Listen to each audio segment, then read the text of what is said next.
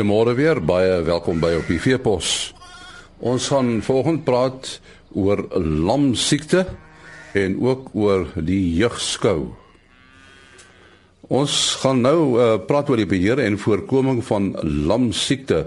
Nou dis 'n siekte wat dodelik is en 'n mens moet voorkomend optree. Uh daaroor gesels ons met Dr Gerard Harmse van die fakulteit veeartsenykunde by Onderste Poort. Uh Gerard, wat presies is lamsiekte? Goeiemôre. Uh, lamsiekte is, uh, is 'n siekte wat deur 'n kind veroorsaak word, maar indirek Dit is eintlik 'n uh, gifstof wat die kiem afskei en dan kry die beeste of die diere wat dit kry alle spesies omtrent vatbaar. Uh dan kry hulle die gifstof in en die gifstof verlam hulle spiere. En uh ja, dan dan trek hulle die kans dat dit skaal om hulle diere te kry. Uh, die die lam beteken dit nou dit is nie lam soos 'n skaap nie maar uh, dat die diere lam word. Ja, nee, hulle word dan dis die uh, spierstelsel wat omgepas word en dan die senuweestelsel en dan uh, uh, al die spiere word net lam en dan word dit progressief erger en erger totdat hulle nader aan nie kan asemhaal nie na vrykele. Soms kan dit baie akiet gebeur. Uh, gewoonlik leef hulle 'n paar dae voor hulle doodgaan. En en uh, mense moet maar voorkomend optree met die siekte, né? Nee? Ja, dis maar die enigste manier. Daar is 'n antiserum beskikbaar, maar hy's baie swak beskikbaar op die oomblik. So ja, die en die en enstof is baie goed en baie goedkoop. Eh so ja, dit is eintlik een van die mees essensiële enstowwe wat 'n mens kan kry. En uh, wat, wat is die simptome? Hoe sal 'n mens weet dat die dier lamsiekte het? Jong, die diere verskil bietjie maar uh, kom ons vir die beeste. Wat gewoonlik gebeur met beeste is die uh, die sterk raak dit word eers te verlam en dan word hulle net progressief lammer, hulle gaan lê, hulle vreet nog en hulle lyk lewendig, maar hulle kan net nie opstaan nie. En dan uh, later van tyd dan word hulle net al hoe lammer en dan uh, raak die asemhaling spiere ook verlam en dan vrek hulle. Is dit 'n aansteeklike siekte? Nee, dit is glad nie aansteeklik nie uh van een bees na die ander een toe. Hulle moet dieselfde bron van die infeksie kry. Uh uh so met ander woorde hulle moet dieselfde ou karkasse eet of hulle moet uit dieselfde drinkwater drink of so aan. Maar een bees kan dit glad nie aansteek met die volgende bees toe nie. Met ander woorde 'n uh, ontbinde karkas kan veroorsaak dat dit na 'n ander bees toe gaan. Uh karkasse. Nee, die bees wat dood is se karkas waarskynlik nie. Dit is 'n geweldige woord wat ons ingekry het, maar dit is onwaarskynlik uh hulle moet die dieselfde bron van uh gifstof kry. So hulle eet dan dieselfde karkasse of wat soms gebeur met hoendermis. Uh daar's dooie kuikentjies daar en, en dan broei die kind in die kuikent en hy skei sy gifstof af. En dan vrede die beeste die hoendermis. En uh of ou bene in die veld of wat ook al en dan uh hulle moet almal die deur die bek inkry kan dit bron af. En uh uh Gerard, watter algemene riglyne sou jy voorstel vir vir uh voorkomende aksie? Jy moet ten minste eenmal 'n jaar in en dat mens begin in en dan moet jy uh in en dit is deur in stof so dit is nie uh, uh wat ons noem tot sweet so hy sien uh lewenslank nie mens moet jaarliks in en as jy die eerste maal in en dan moet jy uh 6 weke uitmekaar en, en so mense moet dit graag die was gee na 6 weke as jy hulle ingeënt het.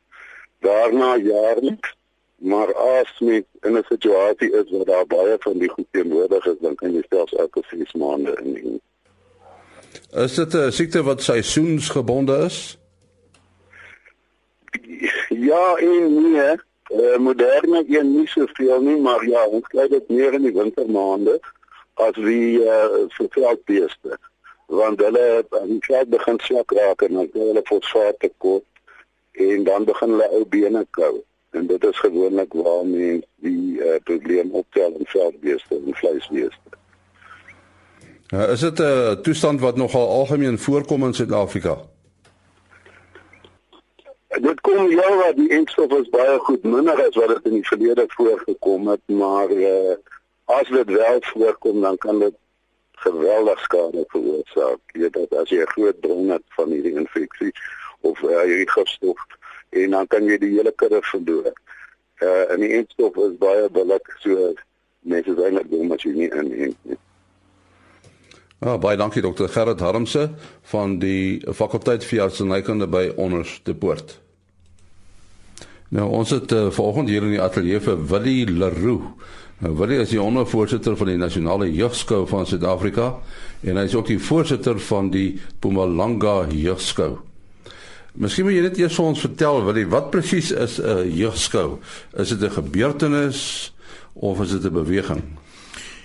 En nie dankie vir die geleentheid. Uh Jeugskou is 'n organisasie waar ons kinders die geleentheid gee om met diere te werk en homself te kan bewys waartoe in staat is. En in dieselfde asem moet ek vir jou sê dit is nie gebonde aan 'n sekere skool nie. Dit is alle skole wat kan deelneem of alle kinders kan deelneem. 'n kind met gebreke of 'n uh, disleksie is net so welkom. So ja, dis 'n organisasie wat kinders bymekaar hou. En gaan dit oor blootstelling aan die landbou? Dit gaan heeltemal oor landbou en dit gee die kind weer die geleentheid om terug te kom in die landboubedryf of om die die liefde vir landbou te kweek omdat ons jonger mense kry nie altyd die geleentheid om in landbou belangstellings te kweek of die geleentheid het om in landbou afdelings belange te vestig nie. En uh, is dit die hele landbou of is dit net die vee? Nee, dit behels 15 afdelings: perde, melkbeeste, vleisbeeste, volskape, vleiskape, melkbokke, vleisbokke, veselbokke, konyne, hoenders, varke, duwe, suurduwe, wetvlugduwe en dan dus twee afdelings wat ons sê kulinaire kuns en suiwelbereiding. Kulinaire kuns is waar kinders fisies nog kos kook.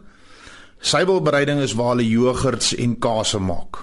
So dit behels buiten dat ons nie in die saaiery afdeling kan betrokke raak nie omdat dit nie fisies geskou kan word nie. Word dit as 'n sport beskou? Dit word as 'n sport beskou. Skole gee aan die kinders erkenning rondom ereklere, medaljes, sertifikate. So by ons is dit 'n nasionale sport want ons neem in 9 provinsies reg oor Suid-Afrika deel om hierskou die sportafdeling te vestig. Uh mense sal nou sê dit is nou halfsnaaks dat dit 'n sport is want uh, daar's nie eintlik 'n uh, fisiese aktiwiteit soos wat 'n mens ek vat net maar rugby wedstryd. Nee. Uh is daar kompetisie? Daar's versekerde kompetisie, daar is 'n fisiese aktiwiteit want as jy fisies met jou dier besig of fisies met die afdeling waar jy besig is. Hoekom ek dit vir jou so stel is laat die kind neem deel in in sy afdeling in 3 of 4 afdelings rondom Hulle skryf 'n gedeelte oor kennis. Nie kennis gedeelte gaan oor die spesifieke dier of die afdeling wat jy skou. Daarna het jy was in 'n voorbereiding. Was is wat jy fisies dier was en die voorbereiding is waar jy hom regmaak vir die skouring en daarna gaan ons na die skouring toe. So ja, daar is 'n fisiese kompetisie en fisiese uh kontak wat jy met die dier en jy weet nie dat jy met die ander persoon soos in rugby te mekaar skram of goed nie, maar ja, jy neem fisies in kompetisies met mekaar deel. En, en die kinders wat deelneem, kom hulle uit landbou skole uit? Glad nie nie. Dis skole reg oor die hele gebied. Uh spesifiek kan ek noem by ons in Mpumalanga. Neem ons het ons Belfort gekombineerde skool, Middelburg Hoërskool, Hoërskool Hoëgenoud, Morgenson die landbou skool En dit is nie net landbou nie, dis akademiese skole ook waar daar betrokke is. En dan het ons kinders wat wat hulle sê tuisonderrig ondergaan en dit die elke streek bepaal jy moet net in die spesifieke streek skool gaan om in die spesifieke streek deel te kan neem. En, en hoe is die belangstelling oor die algemeen? Baie goeie belangstelling. Ek kan wel noem dat ons het so tussen 15 en 20% groei van laas jaar af na verjaar ons eerste skou gehad het in Maart maand. So ek ken die, die gesprekke met ander provinsiale verteenwoordigers word ook gesê dat die getalle groei en groei en groei net. So word dit op 'n provinsiale vlak hanteer of hoe werk dit? Dit word elke provinsie het sy eie manier van skou of die bepalinge daarvan. By ons in Mpumalanga het jy drie provinsiale skoue. Een in Maart, een in April maand en een in Mei maand waarna die nasionale span gekies word wat weer in Oktober van die 2de tot die 5de Oktober gaan plaasvind op Morgenson waar ons die voorreg het om nasionaal aan te bied. En hoeveelste keer is dit nou wat julle nasionaal aanbied? Nasionaal bestaan al van 1999 af wat die nasionale liggaam gestig is en dit gaan in Mpumalanga se tweede keer wees wat ons die voorreg het om nasionaal aan te bied. En uh, ek dink baie mense sal vra wie stel die meeste belang is dit dogters of seuns? Nee, dis 'n 50-50 en nou moet ek vir jou sê daar's kinders van so oud as 4, 5 jaar af wat al deelneem. So ons neem in drie kategorieë deel. Junior junior is 10 jaar en onder, 'n junior 14 jaar en onder en 'n senior 18 jaar en onder.